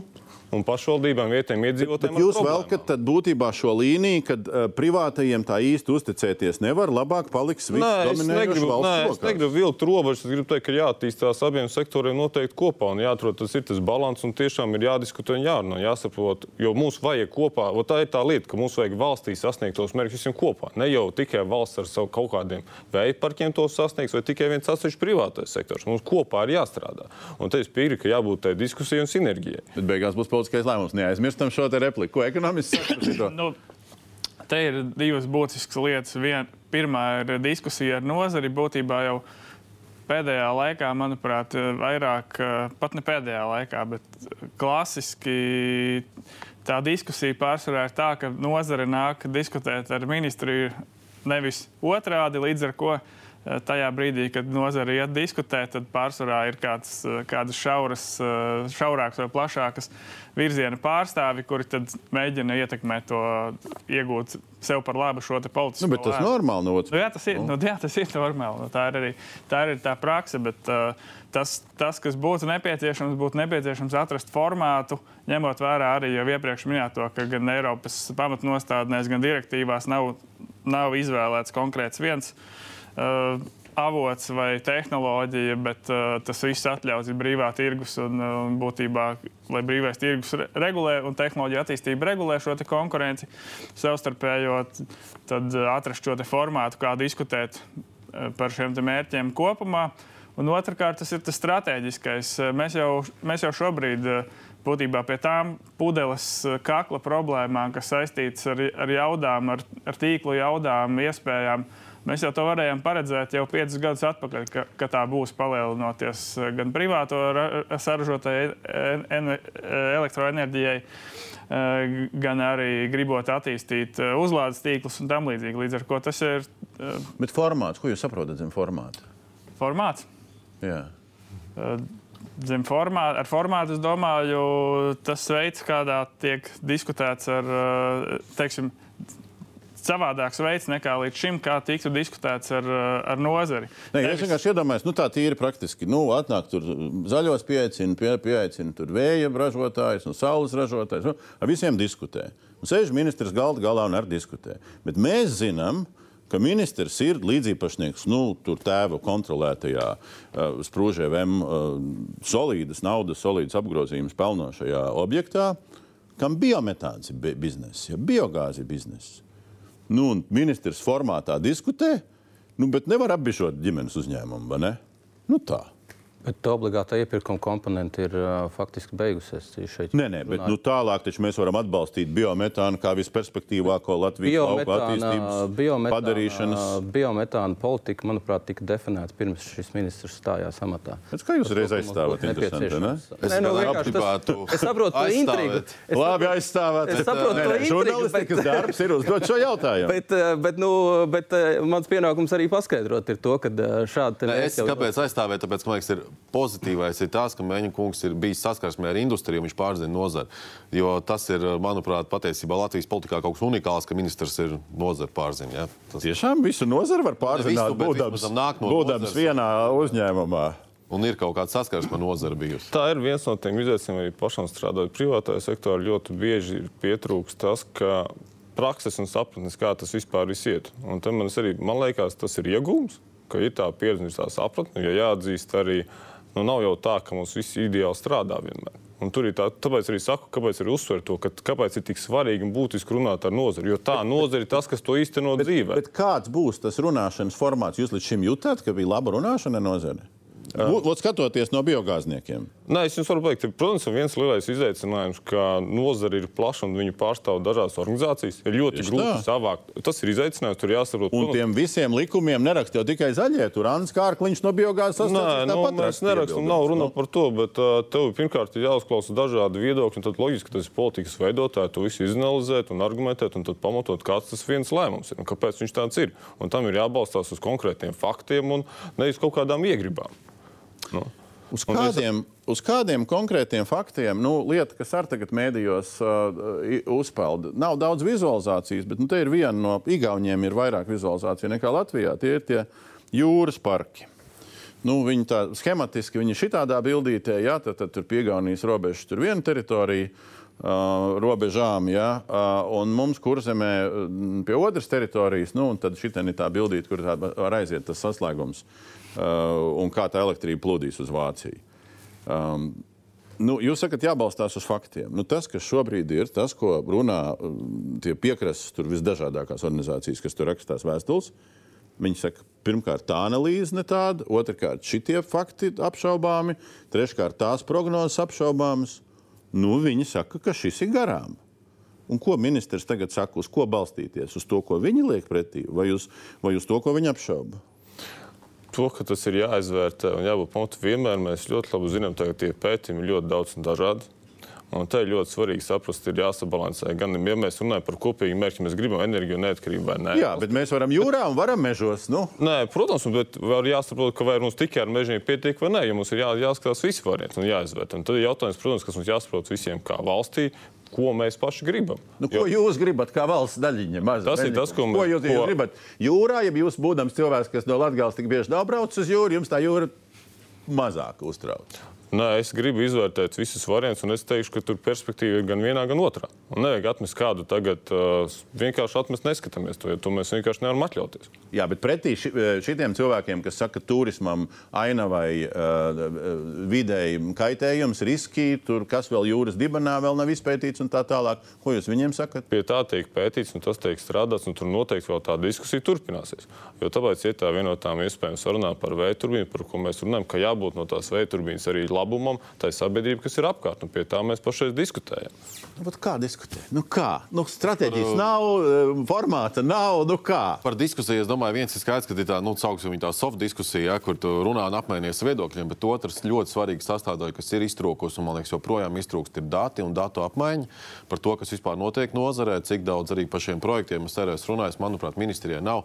Jā, var satikties ar kādu asociāciju nozari, bet būtu jāzina skaidri un gaiši, cik daudz no tiem projektiem tiek virzīti, cik daudziem ir finansējums, cik daudz sāk būvēt, cik daudz, jo, teiksim, nu, Vai kritērijs ir, kuram ir finansējums, kuram naudas Tas ir vairāk? ļoti, nē, finansējums. Nu kā, No šīs ja brīdī, kad ir uzmanīgi. saskaņots projekts un nauda, lai projektu uzbūvētu. Ir divi kriteriji, lai uzbūvētu projektu. Bez Ir naudas vēl projektu vide, ir kaut kur pa nevar. vidu. Nu, vide. saskaņots projekts. Brīdī, kad ir saskaņots projekts, ir jābūt izietām arī vidas prasībām. Nu, Nu, loģiski. vides valsts institūcijas var arī kaut kā, nu, kā iziet tās prasības, un tie nevalstiskie videnieki vai ne? Nu, Vicināt ar rokām var tikai. Jā? Bet uh, vēja gadījumā ļoti svarīgs arī sabiedrības viedoklis. Kāpēc mums vējš nav attīstījies? Ir tas, ka ir ļoti liela sabiedrības pretestība. Nu, Jā, ne, manā, jā. ne manā dārziņa tūmā. ne? Un Tas ir, ļoti, tas ir bijis daudzās valstīs. Daudzas valstis to ir pārvarējušas. Un uh, Latvijā, Latvijā mēs esam atdūrušies pret to, ka cilvēki netiek urzemnieki, ne, ne, ne pie tukuma. Viņi neredz labumu no tā, ka viņu teritorijā, viņu pašvaldībā tiek būvēts vēja parks. Un te mēs arī ar pašvaldību savienību esam runājuši. Arī kaut kas ir mēģināts darīt arī normatīvajos regulējumos, lai izveidotu mehānismus, kādā veidā var atbalstīt to vietējo kopienu. Daudz, kur Skandināvijā, piemēram, tās ir tieši vietējās kopienas, kas inicē tos vēja parkus. Viņi tad dabū lētāku enerģiju, viņiem ir kaut kāds tiešais kabels un dažādas citas lietas, kas, no kurienes viņi iegūst kaut kādu labumu. Latvijā, Latvijā tas nav. Tad es nebrīnos, jā, ka cilvēki saka, mums nekā no tā nav. Mums vienkārši vēja parks. Mēs baidāmies, ka būs migra, nu, mirgos, būs troksnis un visādas citas lietas. Atgriežoties pie tā, kas būtu jādara valstīm, kas jādara privātajiem, nevienmēr ir tā, ka uh, viņiem ir savstarpēji jākonkurē. Ir arī komplementāras lietas. Un tas, kas pirmkārt valstī būtu jāizdara priekš privātiem, lai privātais varētu uz priekšu, jāpalīdz uzlikt šo ietvaru, iedot šo ilgtermiņa skaidrību, ko tad darīt. Stratēģija, nu, sauksim lietas savos vārdos. Precīzi strateģiskais ietvars. Mēs gribam, negribam, mēs visu laiku pie viņa atgriezīsimies. Kaut vai, ja mēs izlasām šo punktu, nodrošināsim valsts enerģētisko neatkarību. A, ko nozīmē enerģētiskā neatkarība? Tam atkal ir apakšā jābūt kaut kādiem kritērijiem, šiem strateģiskiem uzstādījumiem. Ko mēs saprotam ar neatkarību? Mēs saprotam, ka tas būs simtprocentīgi. Mēs visi šeit enerģiju saražojam 80%, 120%, 500%. Nu, saprotiet, un tas ir tas, kur mēs tagad nonākam pie tā stāsta, kāpēc pašlaik ir rezervēti vairāk kā 6000 megawati pieslēguma jaudas projektiem, un nekas nenotiek. Jo privātais viņš mēģina tagad saprast, tā esmu pirmo soli uztaisījis, man ir vajadzīgs pieslēgums, lai es varētu taisīt savu projektu, bet es tālāk sāku domāt, a, ko valsts tālāk darīs, kā tas izskatīsies. Ja tur iekšā nāks Latvijas energo ar saviem projektiem, vai valsts pateiks, ziniet, mums īstenībā nemaz to sauli vairs tā nevajag, vai, vai vēja nevajag, vai cik daudz vajag, lai es varu izreikināt, kā investors, man iet iekšā tanī vai neiet. Un es varu izdarīt prognozi, ka pie esošās situācijas tas, ko stāsta, nu, ka privāti tur 6000 ir rezervēšana, nu, labi, ja tur desmitā tiesa no tā vispār sāks izmantoties, sāks realizēties. Un tad šeit ir tiešām pamatot to, ko teica Mēļņa kungs, bet mums ir kaut kādi mērķi, mums ir kaut kādi uzstādījumi, kas mums jāizpilda, kā mēs viņus izpildīsim. Un tad atkal jautājums, un šeit tad, tad visā stāstā saliekot ietvaru, tad mēs saprotam, cik lielā mērā mēs varam paļauties uz privāto, cik lielā mērā valstī jādarbojas šī procesā. Un, un es vēl pielikšu klāt un, un, un kliedziet, ja jūs tie, kas nepiekrīt, nu, citējot Roberts Zīles pirms pāris dienām rakstu par uh, to, ka tam Eiropas kursam, zaļajam kursam ir daudz uh, mazs burkāns un liela pātaga. Nu, ka daudzās jomās, ja mēs ejam nu, tajā Eiropas virzienā, tas, ja es viņu citēju, ko viņš raksta, tad nu, mēs patiesībā sev šausim kājā. Un plus vēl viņš kritizēja ārlietu resoru, kas formulējot Latvijas valsts pozīciju Eiropas padomē, uh, ir sekojuši Vācijas un citu lielo Eiropas valstu redzējumam, bet Latvijas intereses nevienmēr sakrīt ar šo valstu interesēm. Un, un Padmanekungs, ļaujiet noformulēt jautājumu. Tas mans jautājums ir jums arī izmantojot iespēju, kā parlamentāram sekretāram premjeriem. Uh, nu, dokumenti rāda, ka Nacionāla enerģētikas un klimata padome tas ir virs ministri, ja? tas ir premjera vadīta padome vispār divu gadu nav sanākusi. Viņai jāsanāk vispār. Būt. Viņai būtu šīs lietas jārisina. Viņa nerisina to. Tad uh, es, es nepiekrītu, protams, tam, ka uh, klimata neutralitāte nav Latvijas interesēs. Tā ir tiešās Latvijas interesēs. Tā dod mums iespēju. Tā viņš neteica. Attīstīt industriju. Nu, Roberts Zīle ir pazīstams kā klimata skeptiķis. Uh, viņš nāk arī no attiecīgās politiskās grupas. Bet, bet nu, piemēram, ja ņemot, ņemam kaut vai par piemēru šos saules parkus, kas mums attīstās un to, ko iedzīvotāji liek uz savu māju jumtiem. Tas ir tīrs jaunas industrijas attīstība Latvijā, kas ir notikusi pēdējos gados. Un, un tas ir viens piemērs, uz kuru, kuru, kuru ņemt pa paraugu un skatīties, kādā veidā mēs citās valstīs. Mēs jau runājam par to kopējo valsts bet tā arī ir kopējā valsts politika. Mums ir. Jā, tad divus gadus nevajadzēja sanākt Nacionālajai padomē, tad viss kārtībā. Es Tur mēģinu skaidrot par valsts politiku. Nacionālā padome, klimata padome sanāk, tad, kad ir ko apspriest, un tuvākajā laikā arī uh, tiks, uh, dokuments, un kurš Eh, kurš arī tiks, eh, tiks attiecīgi apspriests šajā padomē un apakšpadomēs. Pa ko jūs baidāt? Nē, nu tas, kad uh, tika izveidots arī atsevišķas darba grupas pie šīs padomes, kurām būtu jāstrādā pie nozarēm un, un, un jāvirza tā plāna attīstība. Nu, tas nekas no tā nav noticis. Par to es arī smaidīju. Um. Dabrokungs, tam, kam jūs, pie, tas, kam jūs pieskārāties, tā ir ļoti, viens ļoti svarīgs aspekts. Un šeit es aicinātu tiešām politikas veidotājs par to nopietni aizdomāties. Tad viena lieta ir Viena lieta ir tas, ko vēlās Eiropa. Mums ir ļoti svarīgi ieraudzīt šo plašāku ietvaru, kas notiekās. Mēs esam tāda maza zivtiņa, kur peld lielā straumē un cer, ka, nu, ja mēs tā straumu pa to straumu peldēsim, tad mūs aiznesīs tur, kur vajag. Patiesībā var notikties pavisam savādāk. Fizikā ir tāds termins bifurkā, bifurkācijas punkts. Tas ir, kad ar mazām, pie mazām izmaiņām kvantitīvā, var notikt nopietnas kvalitīvās izmaiņas sistēmā, ka sistēmā var notikt jebkas, pat pilnīgi, pilnīgi pretējas lietas. Un tas ir tas, kur mēs tagad pašlaik atrodamies enerģētikas nozari. Kas ir jāsaprot, ja mēs skatāmies šo plašāko kontekstu? Pašlaik notiek nopietnas ģeopolitiskas izmaiņas, nopietni notiek izmaiņas tehnoloģiskos pamatos, uz kuriem balsto, balstīsies valsts konkurētspēja. Viņi pilnīgi mainās. 19. gadsimtā bija ar industrializāciju, kas spēja attīstīt savu rūpniecību. Tie palika pie sprites. Un tas, ko dara Eiropa ar savu zaļo kursu, kas mums ir jāsaprot, tas ir šī rietuma izmisīgais mēģinājums, kā mēs varam noturēties, kā mēs varam iet šajā jaunajā tehnoloģiskajā vilnī. Patmalnieks kungs, Piedāvājot... nepiekritīs. Es pabeigšu savu ne? domu, tad varēs nepiekrist. Piedāvājot visai pārējai pasaulē atkal jaunu trendu, kuru mēs varam vadīt. Un šī visā stāstā Eiropa skatās, kas viņai ir vajadzīgs, kā viņa šīs tehnoloģijas attīstīs. Mēs un iziet no tā, jā, un iziet no tā viņa uzliek šos mērķus dalību valstīm. Un ja mēs šī visā stāstā nesaprotam, saprotam, kā mēs to izmantosim sev par labu, tad mēs atkārtosim to pašu, kas mums sanāca ar OIK, kur mēs Paldies. arī pildījām zaļo kursu nosacīti. Ko mēs liekam tam pretī? Jo te ir tas pa vidu tas jautājums, kad nu, ir arī nacionālās intereses. Protams, nacionālās intereses, piemēram, mums ir uh, energo neatkarība, kur mēs ilgstoši esam bijuši atkarīgi no Krievijas gāzes.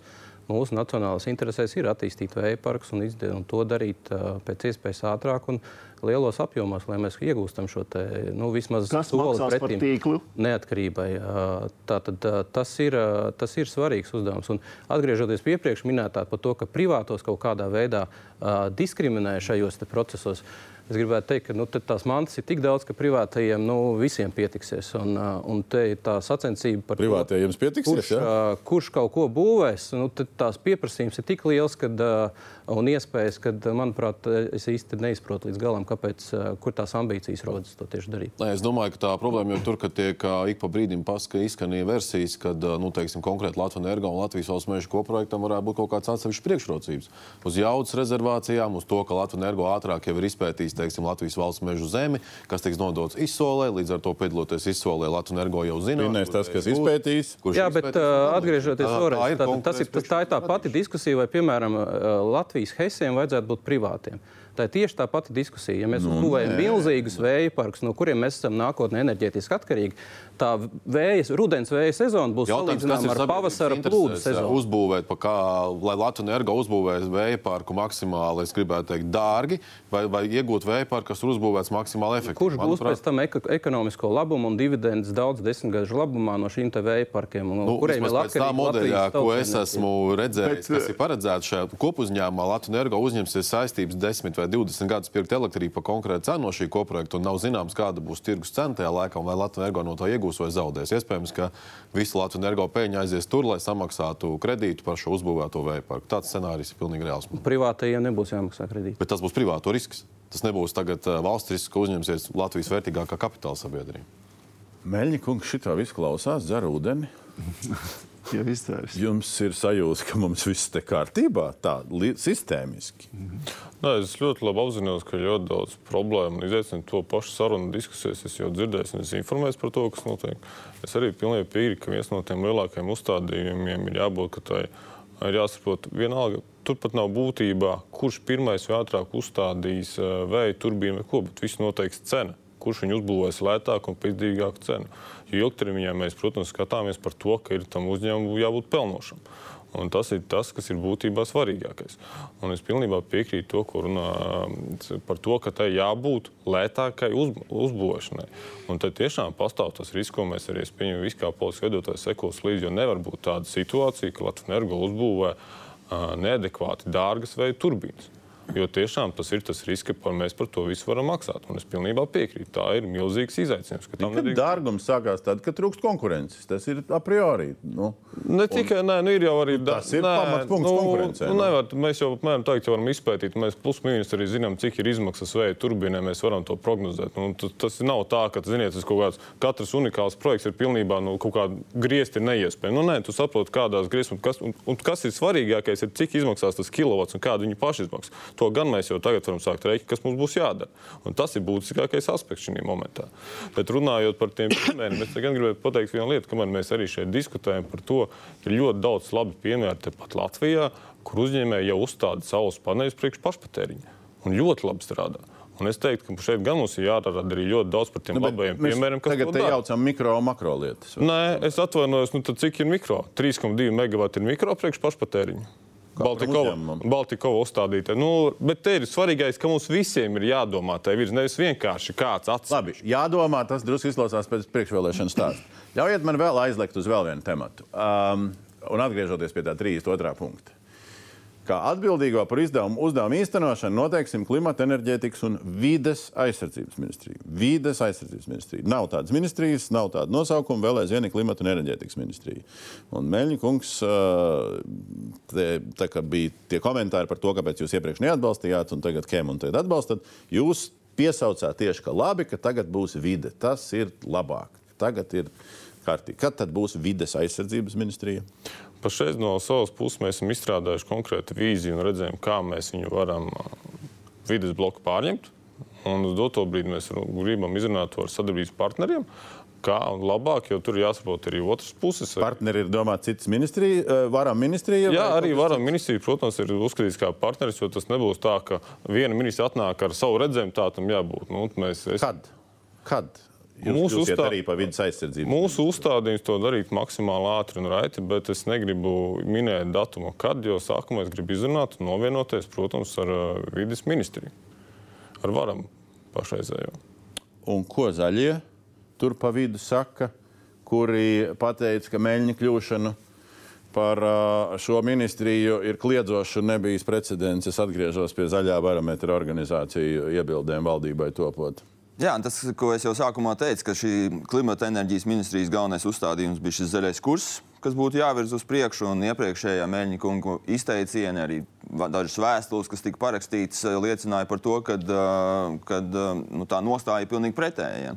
Eh, Par to mums arī bija šīs bažas. Eh, Apvienošana. Viņas mēnešu laikā tagad tās bažas viņas aug, mazinās. Nu, mēs daudz ko dzirdam, ko ministrs saka. Nu, ministrs eh, izrāda interesi arī par šiem vidas jautājumiem, par, par klimata jautājumiem. Pašus plānus mēs neesam redzējuši. Nu, būs jāskatās, eh, jāskatās uz tiem konkrētajiem plāniem, kas, kas tur parādās, cik ambiciozi viņi ir un, eh, un cik reāli. Vai ministra prezidents līmenī ir definēts, kad mainās ministra kabineta iekārta, ja šajā gadījumā arī likuma līmenī, kad uh, vides uh, aizsardzības ministrijas, pat nezinu, kāds būs jaunais nosaukums, kļūst par kaut ko citu, un šī ministrija paplašinās? Tātad eh, pašlaik notiek valdības rīcības plāna izstrāde, kura, kuras ietvaros jādefinē, kad šī pārēja notiks. Tas ir skaidrs, ka politiska vienošanās par to, ka šī pārēja notiek, ir notikusi starp politiskiem spēkiem. Līdz ar to tagad ir praktiski jautājums par to, kad to ir iespējams realizēt, ņemot vērā, ka tur ir nu, samērā liels arī apjoms tehnisks, kas jāizdara. Bet realistiskākais, minētu, svētki tādi, ja? realistiskākais es minētu, būtu, ka 25. sākot ar 25. 25. Ne 24. 25. Meļņkungs. Tas ir jūsu plāniem atbilstoši. Vēl noturaties pie varas līdz 25. Es gribētu par šo vēl diskutēt ar partneriem, jo es uzskatu, ka mēs varam to izdarīt ātrāk. À, tas mums parādās tāds jauns. Ko jūs liekas, sakat par tēmu 25. Nu, man liekas, ka administratīvais bloks jau joprojām ir palicis uh, varam. vai ne? Un, un, tur uh, nav tā ministrija pilnībā nodalījusies līdz šim. Tā kā, nu, t- t- t- tas nodalīšanās un savienošanās tā ir tāda. Tā, tā, tāda, tāda dinamika, kas, uh, es domāju, ka nu, daudz ātrāk to var izdarīt. Protams, ir jāsaprot, ko tad darīt ar to pašvaldību bloku un digitalizācijas bloku, vai viņi vispār spēj dzīvot atsevišķi, atsevišķi vieni paši. Nu, to mēs skatīsimies, kas tajā rīcības plānā būs. Iespējams, ka mēs šai studijā runājot par varam nākotnē, ļoti drīz eh, runāsim par šo. Um, ejot uz, uz, uz rezumējumu, un tad, nu, Dimants kungs, kādu mirkli klusēs, droši vien sāksim no jums rezumējumā. Es mēģināšu katrā no šiem raidījumiem rezumējumā uzstādīt, nu, jūs, protams, varat iet tur pa labi, pa kreisi, bet mēģinam rezumēt Padmalnieka kunga piesauktais rīcības plāns. Deklarācija ir visīsākā vēsturē, kāda ir bijusi valdībai. Jautājums tad ir, kam ir jābūt rīcības plānā. Rezumējot šo sarunu un to, kas te ir pateikts vai nepateikts, ūdeņrads te tika pieminēts. Jums, kā ūdeņrads pētniekam, tur vajadzēja tajā mirklī pārķert iniciatīvu, nepārķērāt. Kam būtu zem šiem uh, diviem uh, punktiem, ja, ko, mēs, ko mēs redzam 5. un 32. deklarācijā? Kam būtu primāri, jūsuprāt, jābūt uh, rīcības plānā, kā formulētam? Nu, rīc, primāri rīcības plānā droši vien būtu jāveicina tās pamatlietas, kas tur ir nosauktas tie atslēgvārdi, enerģētiskā neatkarība, uh, un zaļā enerģija. Bet rīcība jau ir kaut kas vairāk nekā atslēgvārds. Uh, rīcība ir vairāk atslēgvārds. Rī, ne, rīcība ir kaut kas vairāk kā Jā, rīcība ir atslēgvārds. kaut kas vairāk.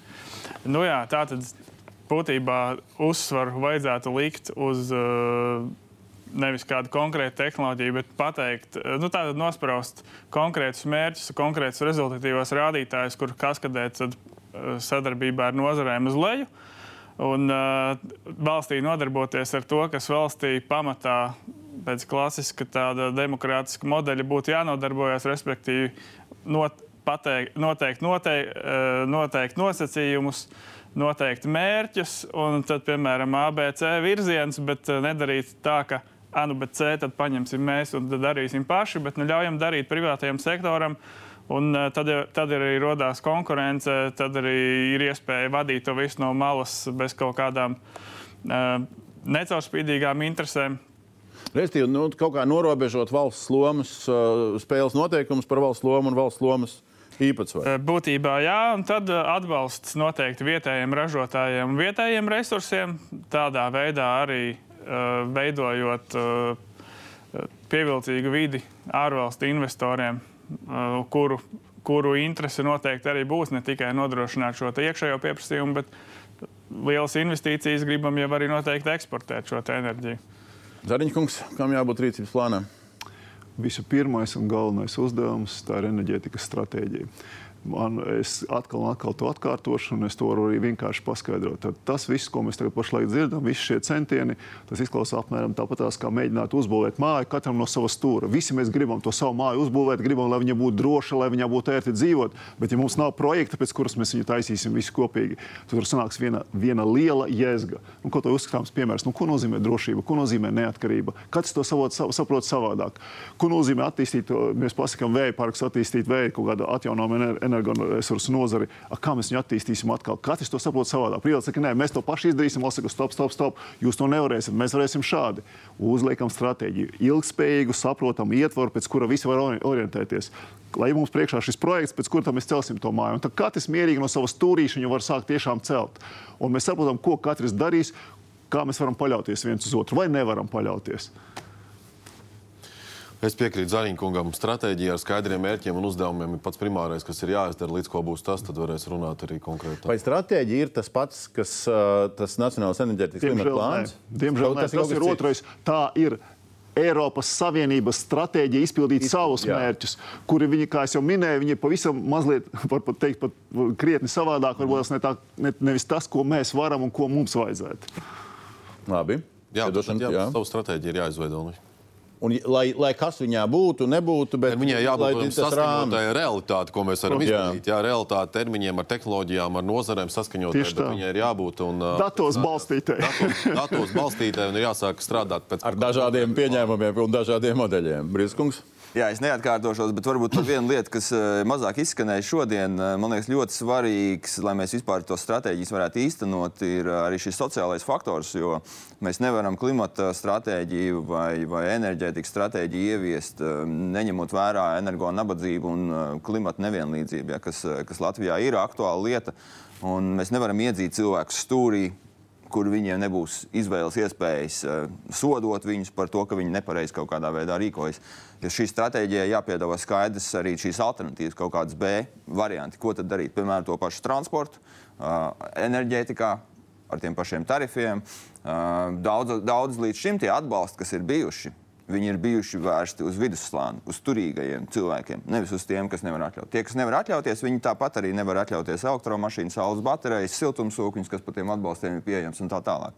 Restīvi, ja es pareizi nolasu, tas ir tas pats, ko jūsu organizācijas liektais komentāros, kas būtu jāliek klimata, jaunā klimata likuma mērķos. Klimata likuma mērķos noteikti šim sociālajiem faktoram jābūt vienam tādam spēcīgam fundamentam. Nu, konceptuālā līmenī topot rīcības plānam, vai šīs lietas, kas te izskan, tiek, pie, tiek pieņemtas, un vai viņas ir darba kārtībā? Es varu komentēt attiecībā par stratēģiju. Tātad, jā, tas ir atsevišķi politisko spēku uzstādījums, ka tādai stratēģijai noteikti ir jābūt. Es varu tikai komentēt, ka tur, kur ir aprēķini, tur, kur Nacionālā klimata enerģētikas plānā ir pētnieki, kas strādā ar Times modeļiem, dažādiem nu, Markala modeli, kur ir dati un analīze apakšā, tas, tas dokuments nav derīgs. ir vajadzīgs kaut kāds politisks dokuments, acīm redzot. Uh, nu, Uh, es nezinu, tad jautājums, kas ir tie mērķiem, kur dēļ šī stratēģija ir nepieciešama. Bet uh, es saprotu, ka ministrija ir šo darbu paveikusi uh, un, uh, un tuvākajā laikā nāks uz saimnu un prezentāciju. Jā, jā, jā, ir Es jums pajautāšu vienkārši, vienkārši, ja jūs sakat, ka mūsu stratēģija nav vajadzīga, tad pasakiet, kas tad ir mūsu drošuma līmenis, ko mēs esam sev nodefinējuši. Kas ir kāds uzdevums, teiksim, Latvijas energo? pelnīt, pelnīt pēc iespējas vairāk naudas budžetā vai nodrošināt tautsēmniecību par lētu enerģiju. Tas ir viens no strateģijas jautājumiem. Jūs varat atbildēt, kāds viņš ir. Lūk, Jā, arī ir es, vajadzīga. es varu atbildēt, bet tā droši vien uh, atbild būs garāka nekā ir atvēlētais uh, raidījuma laiks. Tad tas nozīmē, ka versija, Padmalniekungs, lūdzu. Tā versija, tā tad, um, protams, mums jāvirzās uz enerģētisko neatkarību un, un pastāvību tālāk. Un tas jāsasniedz pamazām, uh, ejot cauri tiem pasākumiem, kas ir pēc iespējas lētāk un pēc iespējas efektīvāk sasniedzami. Vai ir Tas ir, ir konkrēti mērķi? Nu, mērķi, teiksim, tā tad nu- ir konkrēti mērķi atjaunojamās energoresursos, kas ir 30. gads, un pēc tam arī tālāk 50. gads, ir, kas ir uh, jau zināmi, arī nozarei zināmi, kuri pašlaik klimata plānā tiks pārstrādāti un būs vēl ambiciozāki. Kam jābūt rīcības plānā? Nu, tas būtu diezgan Tas loģiski. ir, tas ir arī tā skaitā vienā no tiem. Nu, ne jau stratēģijā būs veids, kā sasniegt mērķus. Stratēģijā būs uzdevumi, kas ir jāizdara. Nu, Tā, plānā mums ir uzņēmumu- konkrēts plāns, Uzņēmumiem par ko stratēģijas tādā veidā ko nu, vīzija, ir- stratēģija un konkrēti uzdevumi. Un aiziet. Meņķis noslēdzot, uh, kas ir jūsu atskaites punkti? Kam ir jābūt uh, rīcības plānā, lai uh, būtu lielāka skaidrība un mēs nestaigātu apkārt ap to, ka kas nav iekļaujošs, kur nav formāts, kur nav stratēģija un tā tālāk? Rīcības plānā noteikti ir jābūt stratēģijai. Tas ir pilnībā piekrīt izskanējušiem viedokļiem. jo Tā ir ļoti fundamentāli svarīga lieta, lai mēs saprastu, kur mēs ejam. Un, eh, protams, ir jābūt arī aspekti pārējai, arī kā mēs to darām. Un tas viss, protams, pie rīcības plāna joprojām tiek strādāts. Un, uh, tam jāņem arī tiešām ļoti daudz aspektu, jo tas aspekts tiešām ļoti daudz arī sociālais. Un pareizi arī teica, par, ka mēs nedrīkstam aizmirst tikai koncentrēties uz vienu slāni, kas tiešām var uzstādīt saules paneļus, jo tas ne visiem, un ne visiem tas būs iespējams. Tur arī jāatzīst. Un nedrīkst aizmirst arī par uh, sociālu, jābūt arī tur mēs strādājam pie mērķēta atbalsta, kas ļoti svarīgi, kas jau mēs ceram, ka arī jābūt rīcības plānā, ka mēs viņu ieviešam, viņš jau sāk darbu. Viņš jau tiek tagad testa režīmā strādāt, kas ir uh, ļoti pozitīvi. Un tam visam jābūt, jāiet uz priekšu. Īsāk sakot, pieņēmāt visu šo te, kas tika pateikts. Mērīsim, ko jūs te rīcības plānā sarakstīsiet. Paldies visiem, kas atnāca un uh, padalījās publikas priekšā ar uh, versijām par to, kas ir uh, klimata enerģētikas politikas plāni. Mēs turpināsim um, sēriju, kas jādara Eviks Siliņas valdībai. Pirmais uh, temats bija um, kultūra. Integrācija mēdīja, otrais bija šis, trešais temats būs aizsardzības joma LSMLV portālā 16. oktobrī. Paldies kungiem par dalību, paldies publikai par uzmanību, turpinājums sekos.